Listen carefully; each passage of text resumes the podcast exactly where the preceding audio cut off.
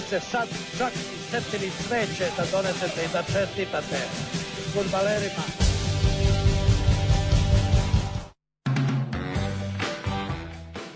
E, ajde sad. 3, 2, 1. Dobro veče. Izvini Stefane, jebi ga. A ne. Regleri, to se Evo te, pohvatam. Pr, pr, prva... Prošle dva meseca, ja ne znam gde, gde šta udaram. Kako prva je emisija u novoj godini već mi sabotio. Kako, se, kako ovo ide sad? Ovo ide vama, dobro, ovo spušta malo, dobro. Ja znam da je taj crni važan, on zaboravio sam za šta. Crni nije važan, crni. pa ti sad vidiš ga gore ili dole. E, dobro veče, dragi ljudi, evo nas, vratili smo se, e, nismo prošle nedelje, zato što nismo, ali sada smo tu, iako smo običali da smo prošle, ovaj, ali dobro, mislim da je lepo kao nedelja, februar, sedmi, to baš sve, da, sve se da, poslagalo, jest, baš jest. onako kao kako treba da bude. Tako da večeras smo tu i večeras ćemo pričati o stvarima, ovaj, nismo ih, već sad najavljeno su, najavljene Mutu.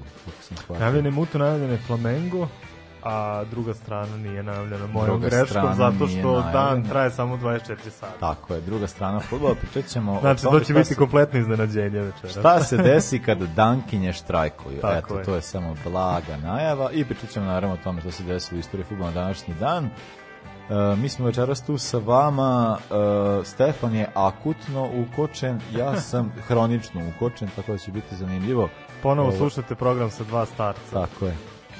Jedan je star, drugi je star u mladom tijelu, ali dobro. Uh, ništa, krećemo, slušamo Bombe Štajpa, Mrak i ja i onda idemo sa današnjim danom. Može. Ivici Offside-a.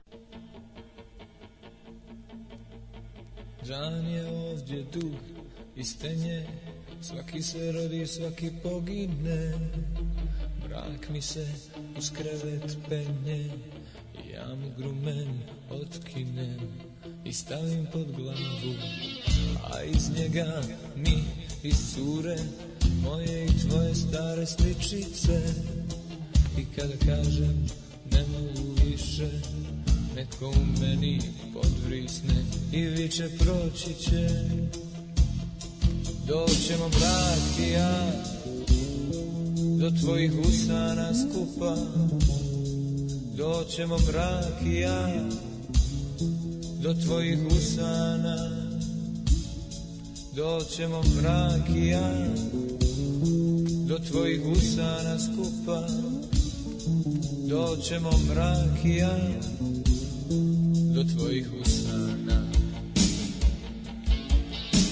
Dan je ovdje dug i stenje Svaki se rodi, svaki pogine Mrak mi se uz krevet penje I ja mu grume otkinem I stavim pod glavu Suva zemlja me izdigne Karirano nebo me pritisne I baš kad kažem Ne mogu više Tvoje mi usne odnekud zazvone I kažu proći će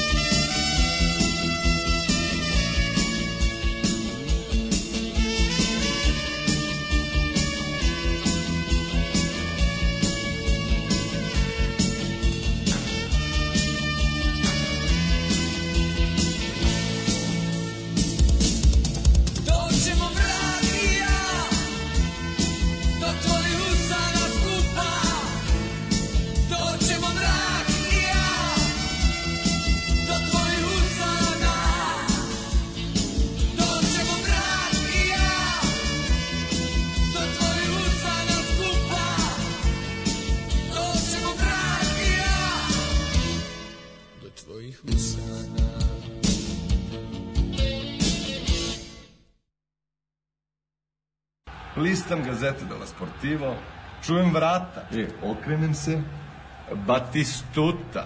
Gabriel. Svega mi. Na današnji dan u istoriji nogometa, ovaj, šta ti imaš, Stefane? Koja je ja imam tek 78. A joj, ti si gari, U 20. veku. Strašno, znači ja krećem od 1925. E, e, ovo je jako zanimljivo. Ovaj, uh, Albert Pape, uh, futbaler e, Orienta je... Uh, Leighton Orijenta. Tako Ima li neki drugi Orient? Nije, šalim se. Nije, nije Leighton Orient, Clapton Orient. Uh, ja se sećam kad sam bio, a sad ću ja da pričam pričam, da se vracam. Ono. Nekad kad se moglo ići na stranstvo, ima već 2019. je bila. Ove, ja sam išao uh, u Leipzigu, sam išao u utakmicu koja je bilo je nekoliko tih utakmica, onda je bilo kao veterani Rotterdam Leipzig, su igrali sa veteranima St. Paulija, ali prvi tim Rotten Leipzig igrao sa Kleptonom Aha. iz Britanije, koja je neka kao jako ono, inkluzivna ekipa koja ne znam što da se ima. I sad evo, sad sam vidio da je ovaj, u pitanju, dakle kao da je Albert Pepe bio futbaler Clapton uh, Orienta i igrao i trebao da igra utakmicu sa Manchester Unitedom. On je te sezone za Orient od početka pa do sad, to je sad kao februar, to je neka polovica sezone, odigrao 24 utakmice, dao 11 golova, bio jedan onako boljih igrača i oni su tako i sad treba da idu na ono na Old Trafford, seli oni u voz, idu. I dok je on izašao iz voza, otišao tamo, on je već potpisao, kao već ga nahvatali ovi iz Manchestera, da li on hteo šta god, potpiše čovek ugovor šta god i izađe na teren i ovaj i, i, i zaigra za Manchester protiv kluba sa kojim je došao. E, Manchester je dobio tu utakmicu naravno 4-2, a on je postigao treći gol. E, u svojoj karijeri nije nešto se istakao u, u, u Unitedu, odigrao je 18 samo utakmica, postigao je 5 golova do duše, ali i onda kasnije završio karijeru u Fulham. E, evo jedno sad zanimljivo filozofsko-futbolsko pitanje. Kažete? Nismo o tom nikad diskutovali. Jesi ti za, za tu varijantu ili protiv toga da igrači imaju takvu slobodnu, slobodnu volju da u bilo kojem trenutku donose odluke gde će da igraju, kada će da igraju, pa, do kada. i evo, ovako, Stefan, ja sam čovjek levičar. Ja ne verujem u li, liberalnu volju. A veruješ da... u, u, u Mercato. pa ne, zato što mislim da ono kao, znaš, ti kad potpisuješ ugovor, ti ne, ne, ne radiš samo jednu stvar, kao da ti sad potpišeš ugovor, na, e, ti kada si deo nekog kolektiva, ti si deo tog kolektiva, ti si odgovoran prema tom kolektivu i ne možeš samo da se poneseš na taj način da samo kao napraviš switch i odeš kao da, kao da se ništa nije desilo. Mislim da dok god taj kolektiv nije svestan toga i dok god nemamo kao ono to izjasni se, kaže šta se želi, šta god treba da se uradi, pa onda kao meni je ova varijanta, ovo je samo kao ono idem ja u bolji klub i jebe se za vas. Ja sam mislio da ćeš reći sasvim suprotno. Mm, a, a, a to, tu je znači, tvoja greška. Znači, znači, sasvim suprotno da ćeš reći, pa on čovjek ima pravo da donosi odluke kako god želi i treba da ide. Pa da je prešao Liverpool, ja bih rekao drugačije. Pa da, jasno je, zato je United veliki United. klub. zato što presreće po haustorima i po željezničkim stanicama, evo Liverpool je osvojio ovu titulu i Vidjet ćemo kad se sledeću, nakon ove večera, večerašnje utakmice. Nećemo to ne pričati. Pustimo pesmu jednu posle, ali nećemo to ne pričati. Ovaj, e, koja je tvoja godina? 78. E, ja idem sa 70. I upravo United, o kome smo pričali. E, Manchester United je igrao u FA Kupu protiv uh, Northampton Towna. Pobedili su 8-2, a ono što je zanimljivo da je George Best postigao 6 golova za United.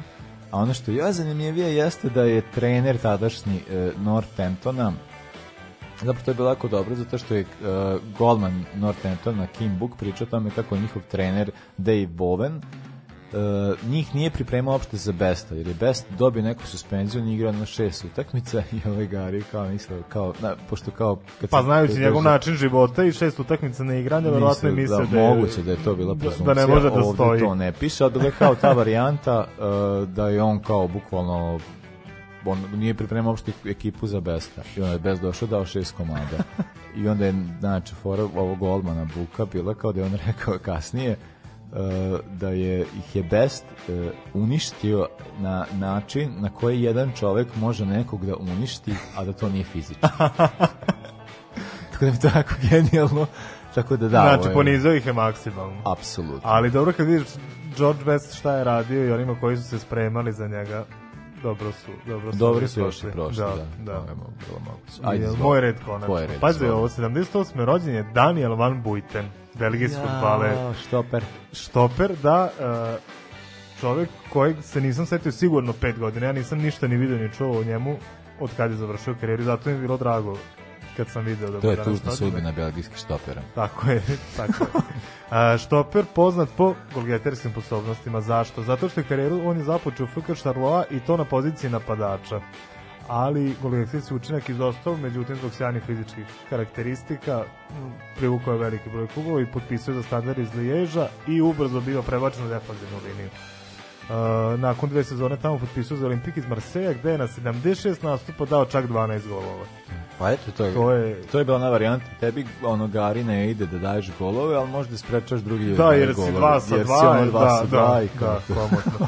Zatim odlazi u HSV, a nakon dve odlične sezone u usledio ono po čemu ga najviše znamo, naravno, Bayern iz Winhena. Tako je. 8 sezona, 20 pogodaka, četiri Bundeslige, nošto kupova i Liga šampiona kao kruna karijere. I evo podatak koji prvi put čujem, ta Liga šampiona 2013 koju je Dario da. Van Buten osvojio, on je time postao prvi Belgijanac koji je osvojio Ligu šampiona. Stvarno? To mi je prosto nevjerovatno. Da. Tek 2013? Da. Ujav. A bilo je svakako poznati. Pa ne, bilo dosta Belgijanaca, ali da, kad pogledaš u kojim su timovima igrali, nije tu niko baš bio, ne znam. Dobro, sad ovo, ne znam, ova ekipa sada koja je trenutno aktualna, to se ne računa. Da, ali, da, dobro, da, oni da, su, ovi su baš možda najbolji ali, do sada, ali... Da, da, da, ovo je najbolji. Ali ono je, pa da, jeste, ono, e, razmišljamo na nekoj ekipi ranije, ono kao na Evropskom 80-ih, kao da, da oni nisu ništa, niko nije bio. Ali dobro, da, to nije, ali to je bi transferi ta toliko. Da, i to, to mislim da su kontent da 80% njih igralo tu negde, pa u Belgija, da, Holandija i, i slično. Da, da, da. Pa ima smisla, ima smisla. Uh, 97. šta ti imaš? Isto 97. Hoćeš ja prvi? I koji je pa- datum? Sedmi. I koji je, ko ćeš prvi? Ma ne znam, ja, ajde, ajde ti, pošto ja, sam ja sad. Ja veljača, sedmi. A ja imam februar. Eto, znači ja prvi. Ajde. Ovi. uh, pošto je prepa. Uh, u pitanju je uh, Aškrik, pokušam da pročitam pravilno, uh, Aškrik test, Pa, Sjeba. Arabik, a šta je to? To je neki e, sovjetski to je savez. to jeste, bravo kolega. Ovaj, on je 90. godine, u svojoj 33. godini, e, odigrao prvu svoju utakmicu za e, reprezentaciju Sovjetskog saveza. Pazi, lik u 90. mi pričam 97. u trenutku. odigrao prvu utakmicu tad i igrao za Sovjetski savez. E, onda je 92. igrao za Ukrajinu pošto sad već došlo kao do ra raspada. Mislim, to je bio Sovjetski savez, ti si Nestor, ti, ti, ti tad nisi, nisi rodio. Bio je Sovjetski savez, pa je bila zajednica nezavisnih država. I on je igrao za zajednicu oh, nezavisnih država, pa je onda posle igrao za Ukrajinu kad se i to raspalo, a onda je 7. februara uh, odigrao svoju prvu utakmicu za reprezentaciju Rusije. I sad jako zanimljivo, proti koga je igrao tu utakmicu? Koja? 97. Mm, ne. Mm, mm, Bila je jedna reprezentacija koja je imala sankcije, pa nije mogla da igra, pa je onda mogla kao da igra posle. Uf. Ničim izazvane sankcije. Uf, uf, da nije uh, socijalisti SRJ, da nije, Savezna da nije SRJ. Savezna, jeste Savezna Republika Jugoslavija, skraćena Republika Jugoslavija. Slobodan Milošević. Slo, Slobova, da nije Slobova. A, tad, su još, tad je još bilo modi da se igraju na prijateljskim turnirima pri, o, kao neki turniri, na prijateljskim utakmicama turniri. I bio ne, neki, nesvrstanih. Tako, pa ovo bio su, neki ovo su baš bili. Kaosberg da. Kup i onda u polufinalu tako neko meču igrala Rusija protiv Jugoslavije bilo je 1-1, ali su oni pobedili 6-5 i to je bila prva utakmica, a i ja mislim poslednja koju on je odigrao, a nije igrao još on je odirao još 7 utakmica u svojoj... Ko Stanley pa Matthews 40 godina čovjek. Ovaj odigrao još 7 utakmica za reprezentaciju Rusije, tako je postao jedan prvi, prvi igrač koji je igrao za tri različite reprezentacije. to je gospodin Aš, uh, ah, Akarik e, Svejda. Uh, e, šta imaš dalje? Eman? 97. takođe. Ajde, izvoli. A, rođen je da, Nikolo Barella, italijanski futbol, meni je veoma e, drag, ali... Meni drag na menače. Znači. E, drag, aha. Uh, meni je veoma draga, ali ću kratko njemu jer je i mlad. Uh, on je bio dete kaverija, debito od 2015. U 2020. je bio glavni igrač, bilo je milina gledati njega i rađu šta rade u veznom redu, a od prošle sezone je igrač Intera. I prošle sometske selekcije italijanske reprezentacije i zatim ima već 20 nastupa veliki talent, mislim to sad više nije ni priča o talentu, to je već umnogome izgrađen igrač koji koji može da da, da pruži još, da stvarno odličan igrač. A sad, mimo menadžera, kako je tvoje mišljenje o, o Bareli, jel si imao često prilike da ga gledaš? Nije sam te šta serija, a slabo pratim, da, slabo i, nije on to jako Samo Premier Liga i NBA, jel? Samo to. pa nije, nije čak ni NBA Premier Liga i pogledam nekad ovako kao Pogledam Romu, to je to je to je to. Je, to, je, pogledam Romu. Da. I šta kad igra Roma i kako igra Roma? Roma i ne igra. Kako igra ne igra, slabo igra Roma, ali ne, otkad je to ti otišao osim posle godinu dana, onda je valjalo post slabo, slabo. On Romu gleda. sad se užaži. Sad gledam Milan ponekad, Krotone 4-0. Sad po, nekad pogledam i Milan, zato što mi pa, zanimaju Birhimović da gledam, ali babo je mater na, navek, navek povređen, pa nikad ga ukačim. Evo, pa sad, ja gledam, on je povređen. Sad je Babo dao 2. Sad je dao 2. uh, e, ja imam 2004. Ti si Ajde. završio, tako. Završio sam. Uh, sad je jedan futbaler koji mi nije mnogo drag, pa, tako da neću dužiti. Ovaj, uh, u pitanju je Joan Gurkuf. On je sinu... Sjajan futbaler. 2004. godine 2004. E, kažem, e, ušao kao izmena e, za svoju ekipu Rena u njihovom porazu od Oksera u toj utakmici, ali je kasnije postao najbolji igrač Francuske lige te sezone. Što je samo po sebi jako važno, ali budući da Svenigor Kuf nikad nije nešto doimao, ja ne bi nastavljao dalje njegovim biografskim podacima. A šta je on imao 20 godina? Nije ni to koliko imao 18 godina. Pa nije to nego ono kada ste smarao. Pa da, ono u Milanu. A, a, jako a? smara dalje. Da. Pa da, ja da mislim da bi njegova karijera bila mnogo bolja da on nije došao u Milanu u vreme kad je Kaká igrao na toj poziciji. E, to jest, I posle sve, jest. posle sve sem one epizode u Leonu i malo Bordeaux u sebi. Da, Leon Bordeaux, to je valjalo, a da. ovo ostalo ništa. No, ovaj, mi završamo ovaj blok koji smo malo pokidali, ima 17 sekundi pre nego što instrumental završi, samo ću reći, ćemo sad poslušati Oasis i Don't Look Back in Anger, čisto da kažem da se ja, ja ne krivim to što Liverpool izgubio, meni jeste žao, ali evo jedna pesma za navijače City-a kojih u, među našim slušalstvom i nema. Naši teraju na levu stranu.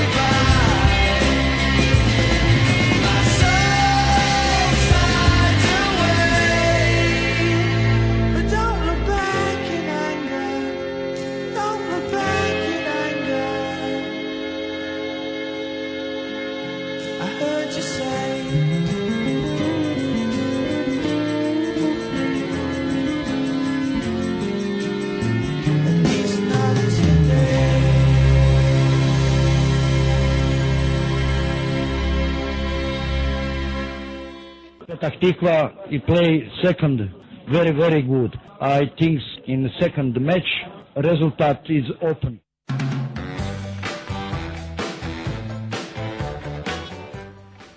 I dolazimo do naše rubrike Dreams Nova. Uh, Pričat ćemo sada o kipi Flamenga, pošto smo pomislili da bi bilo malo ono, bilo bi poželjno malo da bacimo na Južnu Ameriku, ne znam zašto, ali kao kontra da bi bilo zanimljivije pa smo se setili kao naj, jedan najboljih generacija pa, najbolje pa, u istoriji sigurno, u istoriji Flamengo. U istoriji Flamengo, ovaj Flamengo bez Sokrate se on došao nešto kasnije, ali ovaj tu je bio Ziko i oni su stvarno napravili neverovatan rezultat u tadašnjim okvirima. Mislim da je ono kao da je ovaj Pa ne, mislim, samo ću reći da to druga ekipa posle Santosa koja je osvojila Interkontinentalni klub. Tako je, da. Koji tad nešto znači. Vidi, za mene u Južnoj Americi postoje dva kluba. To su Flamengo i Boca Juniors i nekad Palmiras i gledam sad neki dres Penjarola, ali uglavnom, ali uglavnom Flamengo i Boca Juniors. Da, zato što Al dobro, da, jeste, jeste Flamengo, za, mislim Flamengo je najpopularnija ekipa da, u to, Južnoj Americi, to, to, to, to smo baš gledali, Brazil, gledali smo pre neki dan broj navijača.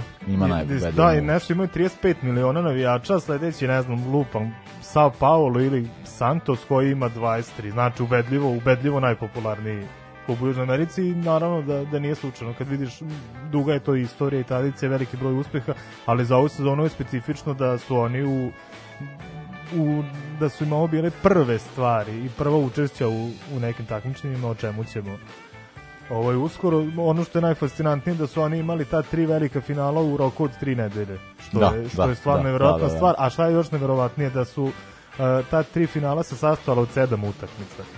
Dakle, osvojili su uh, e, kampionato Carioca, Copa Libertadores u po tri utakmice u finalima i Interkontinentalni kup u, u jednoj.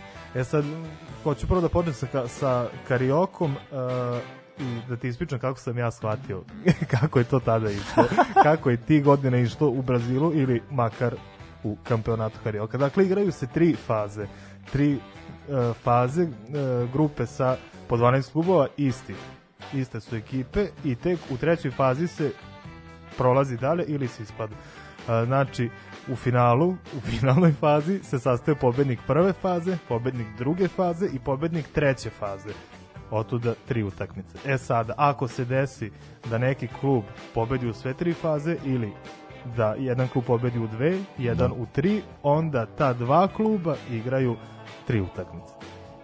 E, ja mislim da sam bio u pravu, mislim, tako se više ne igra na svu sreću, da. ali otuda e, odgovor na to zašto su igrali e, Flamengo, tadašnji šampion u dva navrata i Vasco koji je osvojio jednu od te tri grupe, zašto su igrali tri utakmice, zašto je Vasco dobio prve dve, Flamengo je dobio treću i osvojio titulu, što mi je, što mi je prosto, prosto neverovatno. Uh, Vasko dobio prvu 2-0 i drugu 1-0 i sad to bi u nekim jel, normalnim uslovima bilo sasvim dovoljno, ali ne. U trećoj utakmici Flamengo ipak uspio da pobedi i to jedva bilo je 2-1. Čini mi se, stegalci su bili Adilija i Nunješ imena koja su često postizala golove uh, u to doba i osvojili su državni šampionat po 21. put. E sad, uh, najzanimljivija E, stvar u, u vezi sa ovom sezonom je što su oni tada osvojili Copa Libertadores kojim je bio, može i za ne poverovati, prvo, prvo, prvi, prvo njihovo pojavljivanje u Copa Libertadores u, sa sa tolikom tradicijom, sa toliko trofeja nikad do tada nije osvajao, dakle do 80. nije osvajao brazilsku seriju A, tako da time što su, e, što su osvojili e, godinu dana ranije šampionat, imali su mogućnost da se takmiče kao prvi Libertadores. U grupnoj fazi su dobili su berljivo najtežu grupu. U grupi su bili sa Atletikom Mineirom i dva Paragoja sa predstavnika, sa Sero i Olimpijom iz Asusiona i uspeli su kao prvoplasirani da prođu, dve pobede i četiri remija i to obe pobede nad Sero Portenjom koji je bio za nijancu slabiji da. od preostalih klubova i to je bilo 4-2 i 5-2, Ziko je u te dve utakmice postigao pet pogodaka zaista na, vrh, na vrhuncu forme a u polufinalnoj grupi su igrali Flamengo, Kolumbijski Deportivo Cali i Bolivijski Jose Vistalman. Znači, grupa koja je jedno tri put lakša u odnosu na, na ovu prethodnu. Uh, četiri utakmice, četiri pobede, deset datih, dva primljena gola, prosto Flamengo. Flamengo tad ne, zaustavljiv, dok u drugoj polufinalnoj grupi uh, pa, čuda pravi drugi drugi debitant, a to je Cobrelo iz Čile. Uh, oni su imali težu grupu, mnogo težu nego Flamengo i u toj grupi su bili Nacional i Penjarol. Možda u top 10 naj, najvećih južnoameričkih klubova svih vremena, međutim Covrelo je uspela da, do da odigra to majstorski, završili su prvo plasirani ispred favorizovanih suparnika bez jednog poraza i u finalu su se našla dva debitanta. Naravno da stvar bude gora po Flamengo, igrane su tri utakmice u tri različite države. Prva utakmica je odigrana na Marakani, Flamengo je slavio 2-1 golovima naravno Zika, koji je opet dao dva gola, dok je Merelo bio strelac za Cobrelovu.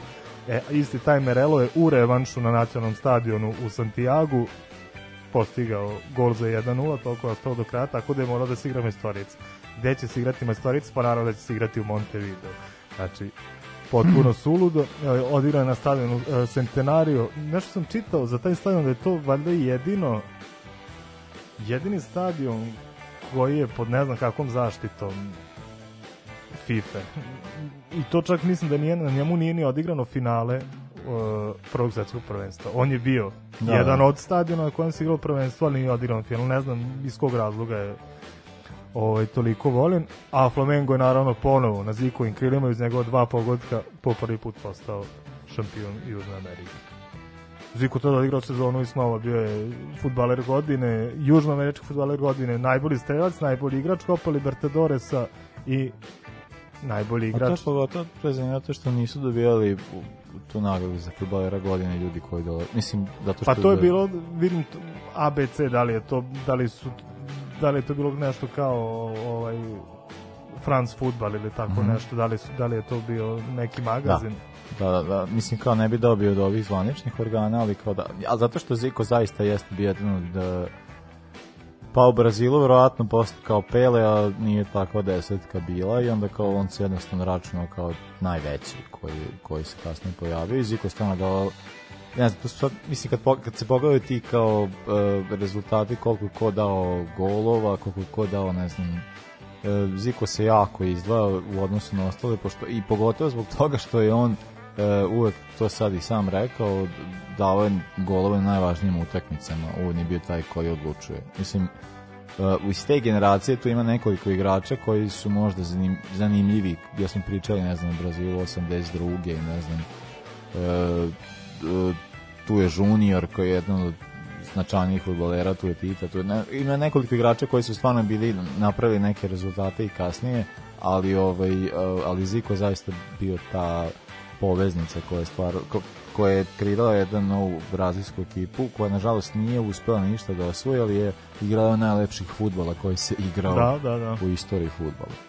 Da, da. Uh, taj uspeh Flamenka i to osvajanje Copa Libertadores donelo im je mogućnost da se takmiče u Interkontinentalnom kupu koji je kao što si rekao nekada nešto i značio, jel? Uh, održan je te godine u Japanu, a protivnik im je bio Liverpool. Pa, e, to je jako zanimljivo, zato što kao, pošto su se Liverpool, Liverpool se kasnije vadio, zašto je Liverpool izgubio utakmicu 3-0. To na polu vremenu, bilo na nešto neverovatno i sam Bob Pace je rekao, ja ne mogu da verujem šta, šta, šta se ovo desilo. Ali isto je Bob Paisley se kasnije valio da je to kao, uh, oni su tad bili deseti u prvenstvu, nisu bili u, u, ritmu, u formi i ostalo, onda je bilo kao da a Flamengo se jako radovao, oni su baš bili presni što su osvojili titulu i onda je bilo kao, pošto je Flamengo se radao iz tog razloga što je to bila druga ekipa u Bra posle, posle Santosa, Santosa koja je da, osvojila da, da, da. kupa i njima taj trofej jako značio. A, a i to isto kao govori da ne znam, ima nekoliko stvari Liverpoola što se tiče koje su isto govorili, ta utakmica njima ipak značila, je to jeste da Liverpool kada je svojio titulu 77. i 78. nije, nije igrao da, finala da, da. Interkontinentalnog kupa, ovo je, jer su kao južnjaci, južnoamerikanci jako grubi u tim finalima, mogu da povrede igrače, što i jeste istina, o, to se stvarno jeste dešavalo, ali za neke generacije ranije, ono kao kako, kako su igrali ovi Čileanci ili one, mislim, kako Penjarol. I Penjarol, kako igrao kako Penjarol. Penjarol, kako dakle, Penjarol, lomio i kosti, razumiješ, tako osvajaju da titule.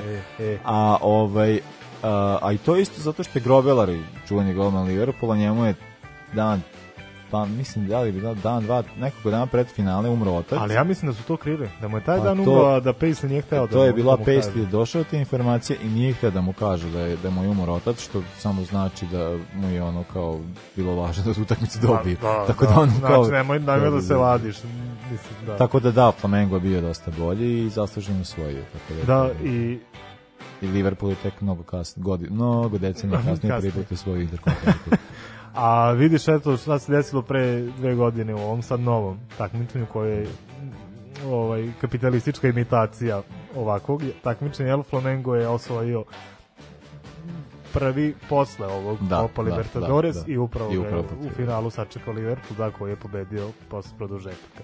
I ja sam za to još da za kraj pročitamo postavu Flamenga koja je može, pa, može, može, pa da puštamo.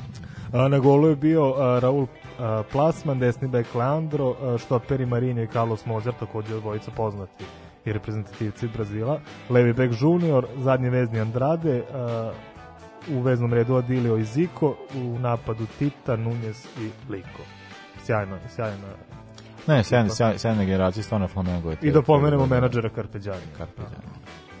Uh, nevjerojatna ekipa, strašan rezultat i jedan meni što je bilo žao je zbog to, mislim Flamengo ima još tu posle kao te 80 i jesu vlade, ali nisu, ovo je, ovo je godina bila definitivno najbolja u, u njihovoj istoriji. E, dobro, slušamo Kakadu Luk i kao pjesma. A ja? Šta sam ja? Ha? Brane oblak. Stojimo ovde u 16 tertu usamljeni.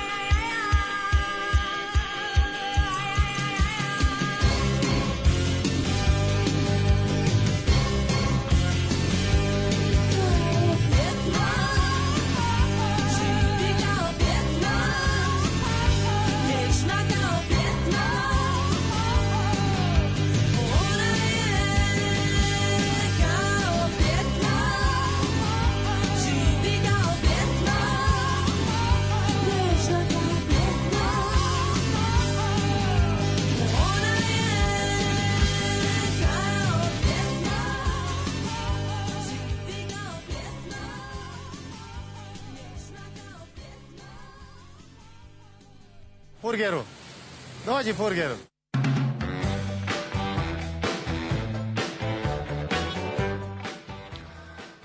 Ti si mi, Damire, pre neki dan poslao intervju jedne borkinje za prava futbalerki. Jedan dosta zanimljiv intervju, pa, zapravo fantastičan, a da vidimo ko je Pernil Harder i zašto smo nju izabrali za večerašnju drugu stranu. E da, uh, izabrali smo Pernil zato što je, uh, pa ne, mislim, tražili smo temu koja bi bila zanimljiva. Ovaj članak je skoro, skoro izašao o njoj, e, a tiče se te jedne priče koja se desila, pa ima već nekih, pa ima, ne znam, 15 godina, možda i više. E, u pitanju, dakle, danska futbalerka, reprezentativka, trenutno igra za Chelsea. Chelsea Ladies. Chelsea Ladies, da, to je taj seksistički naziv koji sve, sve ekipe... I Arsenal Ladies, Bolton Ladies, sve, sve, sve, le, sve, sve su Ladies. Sve Ladies. Ovi, ali da, uh, a stvar koja je zanimljiva jeste, to, uh, uh, njeno svedočanstvo je jako zanimljivo, zato što je, ovaj, e, mi smo pričali o neke futbalerkama ranije, pričali smo mi i Ham, koje smo, kao, za njim smo svi znali, uh, ti si spomenuo Martu. Mar, da, ona je bila da u doba mog odrastanja. Da. Ali to jeste, jeste, jeste zanimljivo, zbog, oj, sad kao i sad, sadašnje futbalerke su vjerojatno tu negdje tvojih godina koje nešto kao postižu neke rezultate. I onda je bilo jako zanimljivo zbog toga što Uh, ranije uh, ukoliko neke devojke se bave futbalom, devojčice, devojke kao žele da ne znam sad ovaj, uh, gledaju nekakve snimke nekih kao futbal, one nisu mogle doći do nekih značajnijih uh, pa ne znam, futbalerke koji su imale nekakvu utjecaja, to je bilo kao YouTube snimci Marte, ali ne mogu doći do ničeg drugog.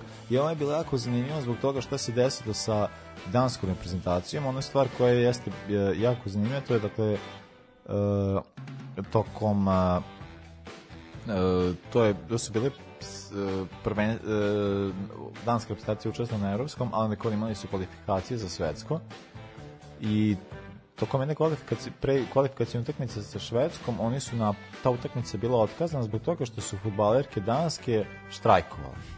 I uh, ono prvenstveno kao štrajk je vođen u stranjenje i od strane drugih. uh, I one su štrajkovale zbog gomene stvari, pa jedno, mislim, to se uh, bazično je bilo to da kao se žale na, manjene, na smanjene plate i ostale stvari, ali rezultati tog štrajka su jako zanimljivi zbog toga što je doprinjeno do toga da one naravno nisu ništa posle uspeli da ostvare za to, što, za, za to svetsko prvenstvo jer je kao imalo uticaja o, o, ova utakmica sama po tome jer je bila otkažena pa su posle igrali pa su posle to pokle ali kao nisu uspeli da se plasiraju ali ono što jeste zanimljivo e, jeste, jeste popularnost e, futbal, ženskog futbala u Danskoj nakon toga jer u, upravo taj problem koji je Harder navodila kao naj, najznačajniji što se tiče nje i njene generacije je bio premošćen i sad danska reprezentacija dosta danska ženska futbolska reprezentacija je dosta vidljivija i ovaj i prisutnija ima veće i uspehe sada zbog toga što su uh, je nekoliko tih razloga i to je meni jako zanimljiv način na koji se razmišljalo tada kao da znaš kao ok treba nam veće plate treba nam veće ne znam bolje mislim znamo to smo već pričali ranije za američku reprezentaciju, da, da, kako da, one treniraju na nekim užasnim terenima, a ovi uh, mislim to je tu najdrastičniji primjer imaš kao reprezentaciju koja je jedna najtrofejnijih kao koja će ti sva, sa svakog prvenstva doneti medalju to je ženska fudbalska reprezentacija Sjedinjenih američkih država imaš ovu ekipu koja nikad ništa ne uradi kao plasira se ne znam nešto napravi ali je 10 puta plaćenija od njih i on da, kao da. i ovo i oni dobijaju bolje terene, bolje sve jer su kao plaćeni jer, jer, su da, muškarci. Jer su muškarci. Da a o, ove devojke naprave rezultate žešće.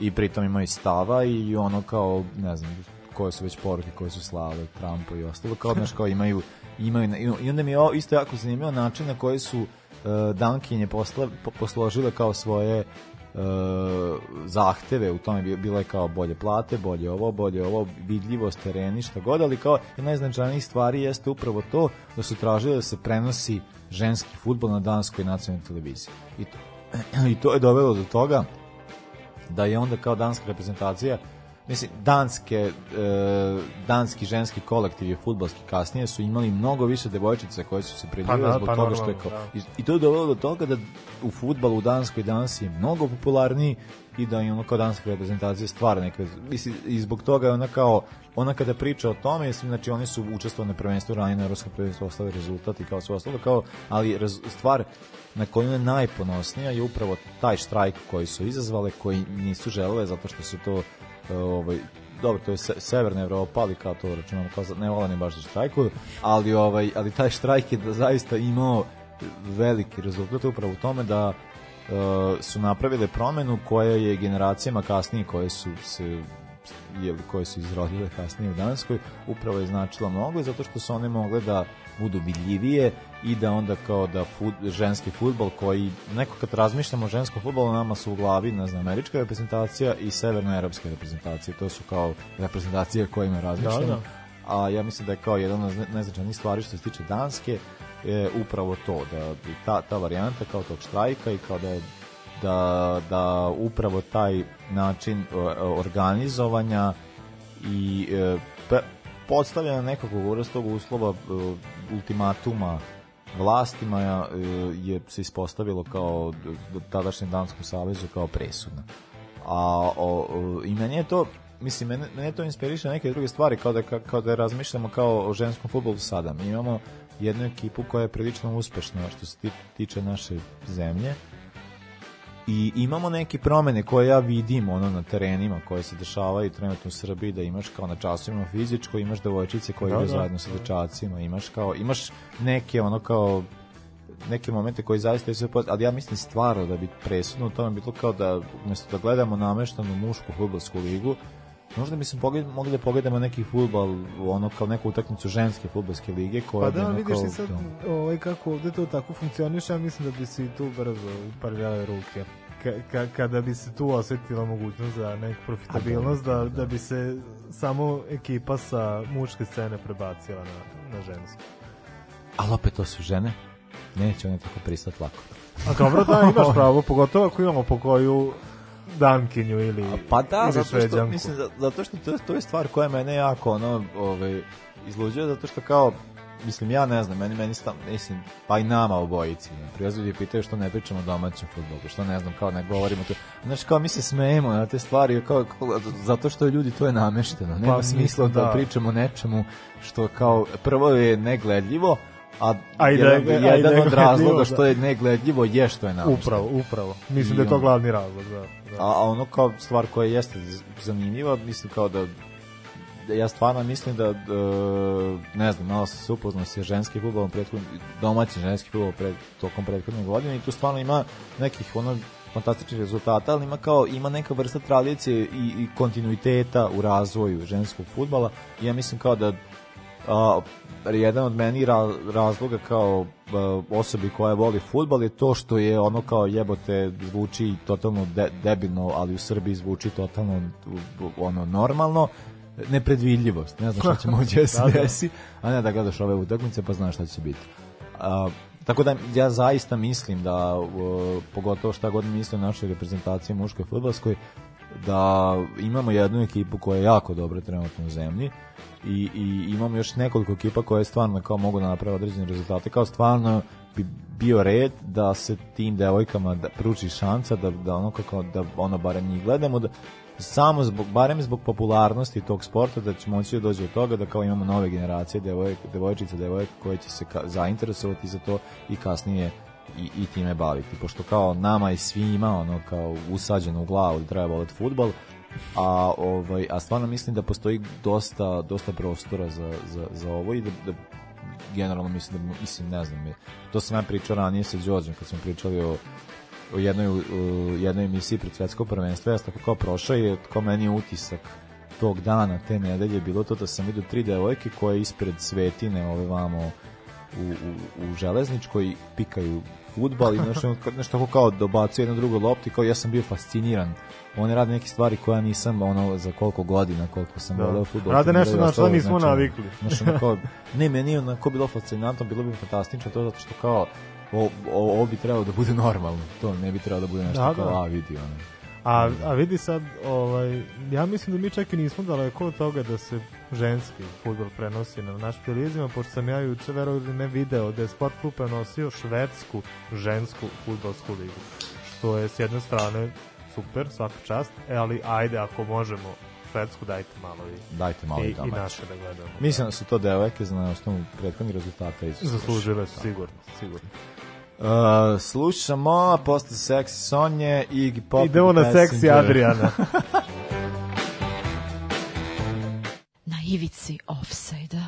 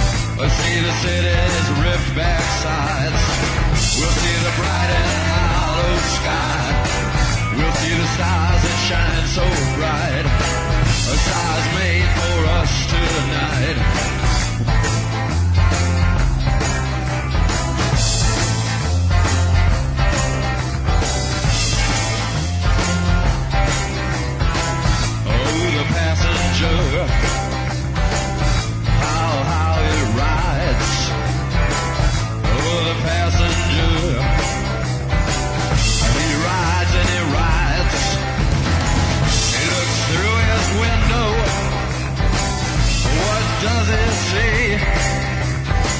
He sees the side and hollow sky. He sees the stars go out tonight. He sees the city's ripped back sides. He sees the winding ocean drive. And everything was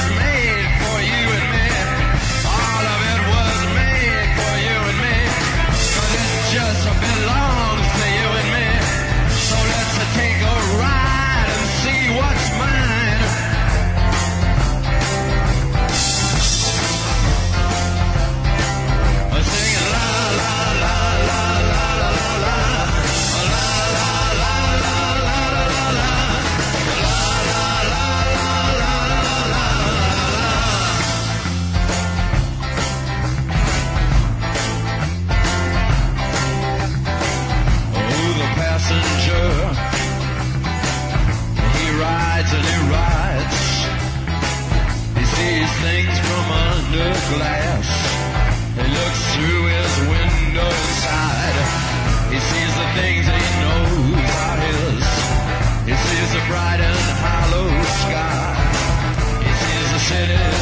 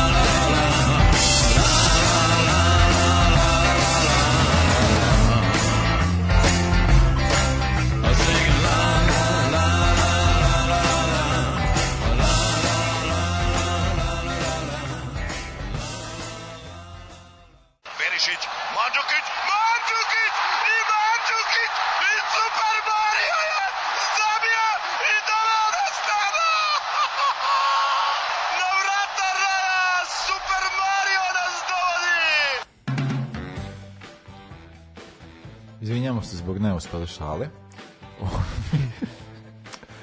da, sada je sve, sve palo u vodu. Sve je palo, sve je palo u vodu. Cijela priča je podneti u vodu, zato što... Ka... Sada ćemo pričati o našoj ikoni za večeras. U pitanju je Adrian Mutu, šta mislim da jeste pravilan izgovor ali je dosta naših komentatora, ne znam da ste Da nisu govorili mucu. Mucu su da, Nemojte da, govoriti da. mucu, a želim da jadljam mucu ceo život. Kao i Georg Hadži, znači to je Hadži. Je, verovatno je Hadži. E, ha, ja Hadži je Hadži, ali ja mislim da je mutu mutu. Ja mislim da jeste, da, znači, jer nema, nema, nema nikakav ne, znak. Nema znak, da, ispod da. pa bi bilo Jer, na primjer, evo, pogledaj mesto rođenja. Kalinešći se čita 200%, ja sam ubeđen u to, zato što ima milion ovih miliona e, kvačica i znako, da, ali mutu je čisto M, U, T, U. Tako da ovaj, svim onim komentatorima tokom pa pa taj 2000 početak to da ovaj da kažemo da se tako ne izgovara. Tako je, tako je. Dakle, Adrian Mutu, rođen 8. januara 79. godine, čovjek ima 42 godine, to je nama teško da poverujemo, ali ovo, ovaj, jedan od, pa ne znam, mislim, jako zanimljivih futbolera meni, onako kao iz, iz tog perioda, to što to je jedan od onih igrača koji su o, zaista delali kao jedan najboljih trenutno u svetu. ali zbog stvari kojima su se bavili, šta su sve se radili, ovaj, to baš im Da, pa rock'n'rolla, futbala 21. veka da. sigurno, da, da. Ne znam, meni je, najbolj, meni je ovaj, Mutu, jedino Mutu u ljubičastom dresu Fiorentine. Ja sad ne znam kakve ti asocijacije imaš. Na njega imao si prilike da ga gledaš ili u ostalim klubovima, ali što se mene tiče u Fiorentini... Pa ne, meni jeste, da, da, u Fiorentini najduže i da, najduže na je bio tamo svakako, da. da. Pa da, on je tu naj, najduže i bio, ali ja se sećam kad je Mutu prešao u Chelsea, to je, to je bila stvar, to je bio kao neki ono prelazak, jednog, ne znam, zato što ima jako dobru sezonu prethodnu pa, u Parmi. Da, da, da. Eto kažemo prethodno, znači on je iz uh, odrastao u Argeš Pitešćiju. da. Pitešćiju pravo si, pa je bio u Dinamo Bukurešt, pa je onda prešao u Inter. Nije mi jasno epizoda sa Interom, čak vidim da nije bio nešto ni loš.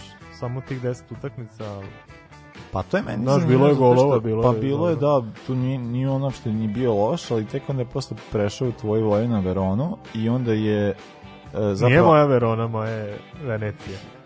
Ja si rekao tvoju voljenu, Veronu. Izvini. izvini Neko, izvini. U, u Italiji za mene postoje sa, Milan, Milan, Fiorentina i Venecija. I Venecija. Ja tako je, tako je. ono napravio. E, pre, e, prešao je Veronu, da bože, svašta fašisti lutaju. E, pa mislim. Užas živ. Da, da. Ovaj, ne znam za šta te smatra. O, da, uh, u Veroni nije nešto ni bilo, ali kao kada je uh, e, njegov, ta sezona u Parmi je zapravo bila presudna, tu je jako dobro odigrao i onda je ovaj, uh, na osnovu toga je prešao u Chelsea, za sve sam to bila neka dobra lova tada Pa mislim da je 22-23 miliona pa, za funti, te godine, to je baš, pa, baš mnogo. Za, za te, te godine, godine baš to, mnogo, to je da. bilo dosta, dosta para i onda kao, del, kao Mutu je trebalo da bude jedan igrač, od, ali i nekim drugim stvarima uživao i to baš i nije bilo tako. Pa da, on, nije bilo... onda je dobio kaznu koja je gotovo, ne znam, o, o, 80% te, te cifre. Ne, znaš da je dobio nešto 17 miliona evra, 15 miliona funti je dobio kaznu zbog, zbog dopinga a pritom doping, ona se zasniva na kokainu i drugim stvarima. ja, da, strašno, strašno. A, ali, ali da, da, ali i da. Mi, te sezone u Parmi čak mislim da je bio u najužem izboru za zlatnu loptu. Te sezone čini mi se da je osvojio Ronald, Ronaldinho ili Ševčenko. Ili su bili u, u, u top 3 su bili sva trojica. Nije to da Ronaldinho. Mislim, da, onda, da, onda, je, nije, onda je da. Ševčenko te, te godine osvojio, da. Ali ovaj da li stvar jeste u tome da zaista uh, pa ne, mislim Muto ima jako do, on ima tu ja, jako dobru tehniku, imao je, je nešto od toga, od tog modernog napadača, a i od tog nekakve desetke koja ima imao nekako znači, jako malo dobar previd, znači, ima je nešto hađe, sve jevi ga to se rumunsko prema njega, onda onako kao e, jako dobra tehnika, ali dobra realizacija. Jedan onako kao predstavlja stvarno igrača koji je ono e, je u tim godinama stvarno delovalo kao da ima je jako velik ali je stvar koja je stara za, i za Mutova i to je, on nije imao kontinuitet. I onda onako kao toga je uvek jebalo i on nije predstavio tog igrača koji, znači, koji ti može da se osnovni da će svake utakmice davati nekakav rezultat. To je na što se ja sećam. Uh, u Fiorentini je bilo malo drugačije, tu je kontam Znači, posle Chelsea bio Ju Juveu i to nije prošlo nešto dobro. Pa zato što, opet ja moram da se zahvalim Kalčopoliju, koji je doprinuo do toga da, da. Mut upravo zbog izbacivanja Juve u seriju B, kaže, da, ja pređe. neću da ostanem ipak. Ali, ali ta sezona u Juveu nije, nije nešto bilo. Pa da, nije bilo nešto ja, specijalno. Ali zato posle prešao Fiorentinu i on meni meni to bilo jako drago zbog toga što je kao e, ja mislim da je tu nekako igrao bez tog pritiska koji je već nastao nad, nad njim kao da mora da predstavi ne znam kakav rezultat tako da ono kao drago mi je što se ti sećaš muta upravo po da upravo iz tog perioda da jer to mi onako kao je, mislim da tu bio dosta opušteniji onako kao igrao je dosta relaksiranije mogao je da je stvar i, mislim da je zaista mi drago da da je upravo to kao ta njegova epizoda u Fiorentini bila ta koja se pamti Sećam, sećam se ovog perioda iz Čezene, ne nešto mnogo, ali mi je isto bilo, bilo drago, znaš, došao je u klub koji je imao minimum ambicija te sezone, znači cilj je bio da opstane. Došli su Mutu, došao je uh, Luka Antonelli, na golu bio Antonioli, bilo je par starih igrača, iskusnijih, koji su je bili tu na zalasku karijere i čini mi se da su te sezoni dosta dobro odigrali, da su apseri, da su tek sledeće, da su tek sledeće ispali. Uh, kontam da je upravo te sezone kada je Čezene ispala da je on odlučio da ode u Ajaxio. Ja se nadam da je Ajaxio dobar izgovor, pošto pola javnosti kaže Ajaxio, pola kaže Ajačo. A Ajačo mi ne ide. A, kaže se Ajaxio. E, drago mi. Kaže drago se mi. Ajaxio, a ali ali tu ima sad isto jedna za Uh, e, kao će sažak se... Zavisi da li su Francuzi ili Italijani E to, zato što to, zato što to je ipak ovaj, e, korzika. Da, da. Ja mislim da se u tom delu kaže Ajaxio, ali kao kapiram zašto određen deo Korzike odbija da to i onda kaže Ajaxio. I onda kao to ima smisla. Mislim, ne znam, ali znam da je kao francusko Ajaxio zvaničan termin. A da li si ispratio možda njegovu epizodu u Petrolulu iz Pleštija ili u Pune Sitiju ili u Targu Murešu? Kako ti se činio mutu u Targu Murešu? E, pa ne znam, moram priznati da nisam pratio. ono što meni je zanimljivo jeste njegova reprezentativna karijera. Apsolutno, apsolutno. Imao jako dobar rezultat i čak i ne znam, ono mislim da je za da tu titel za najboljeg igrača Rumunije dobio nekoliko puta. Bili da su samo bolji od njega Hadži, Hadži i I po pesku. Po da. pesku, a, mislim da je po pesku. Po pesku. Da. A ovaj, ali mi je jako zanimljivo to što kao, mislim, on je igrao dosta dugo za reprezentaciju, igrao i posle. To, to su mi fantastični ti igrači koji igraju jako dugo za reprezentaciju. On, on je igrao od... Uh, e, 2000 do 2013. Pa, tako, znači ima 13 godina, ima samo 77 utakmice ali, 35 golova. Ali, ali to ovaj. i dalje više od Nemanje Vidića. Ovaj Dobro, možeš sad da mi diraš, nemoj Vidića da mi diraš. Diraću Vidića uvek. Znači, čovek. koji je od svoje 18. godine igra za reprezentaciju, igra do 30 i ne znam koja godina ima 50 nešto Zato utakmica. Što je to... I onda sere drugima što mu govori što je to da Nemanja Vidić hteo da igra. Se moglo. A, Nemanja Vidić je želeo, on je, on je znao koliko Najbolja utakmica za reprezentaciju bila protiv reprezentacije Italije kad imao 18 godina igrao u tom 3-5-2. Jasno, i on je pokazao da ume. On nikada On je pokazao da ume protiv nezgodnih italijanskih vedeta i on je pokazao da je najbolji štoper na svetu da u tom trenutku on može da pusti mlađe. Kako Stopere ispred sebe. Kako taj čovjek zna napred penala, to je nešto Ajde, dosta da se prekin. prekin. Uglavnom, ovaj, uh, Mutu je... Nemanja Vidić. Ajde, manje. Kam sam zabija, gleda duja. Uh, uh, bilo jako zanimljivo to što jedan od meni draž, dražih igrača je Gabriel Tamaš ali upravo su e, Adrian Mutu i Gabriel Tamaš 2011. godine to je već kao pozna karijera Mutuva u reprezentaciji bili izbačeni iz e, nacionalnog tima Rumunije zbog toga što su prethodno večer otišli neki bari pili napili se ljudi. I ovaj i to je bilo, a pazi, al pritom to je to je prije, to je prijateljska utakmica sa jebanim San Marinom. Ne, nema opuštanja. Nema ne, je bilo kao ne.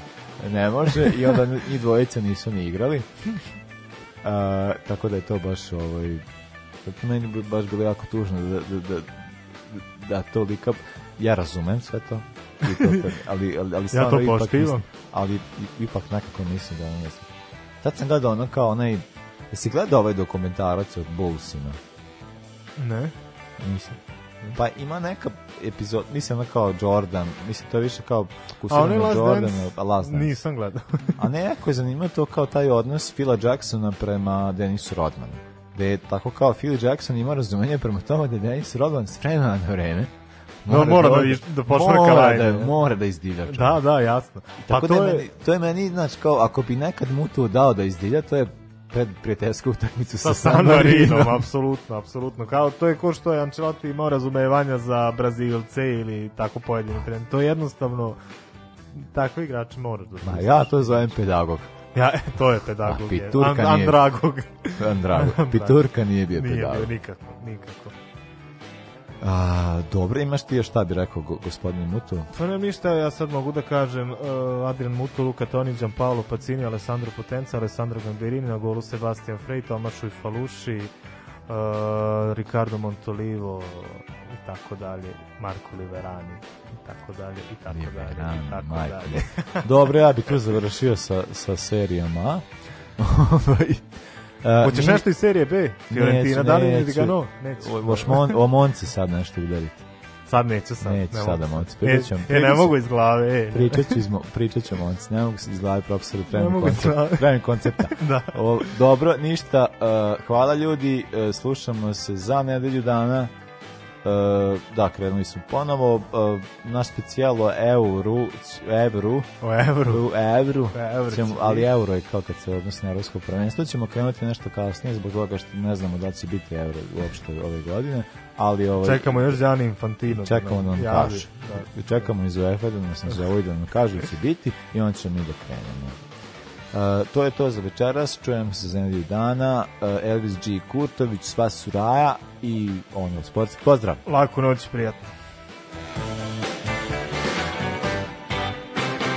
Ovoga puta to je bilo u sastavu Janjuš Kojović, Bećes Pahić, Bratić Katalinski Hadžabdić, Jelošić, Janković, Bukal, Sprečo i Deraković. Evo je, Do, šefe. Sarajevo, drevo, drevo, jes, jes, šefe, dobro, šefe. Sad smo jedan, jedan.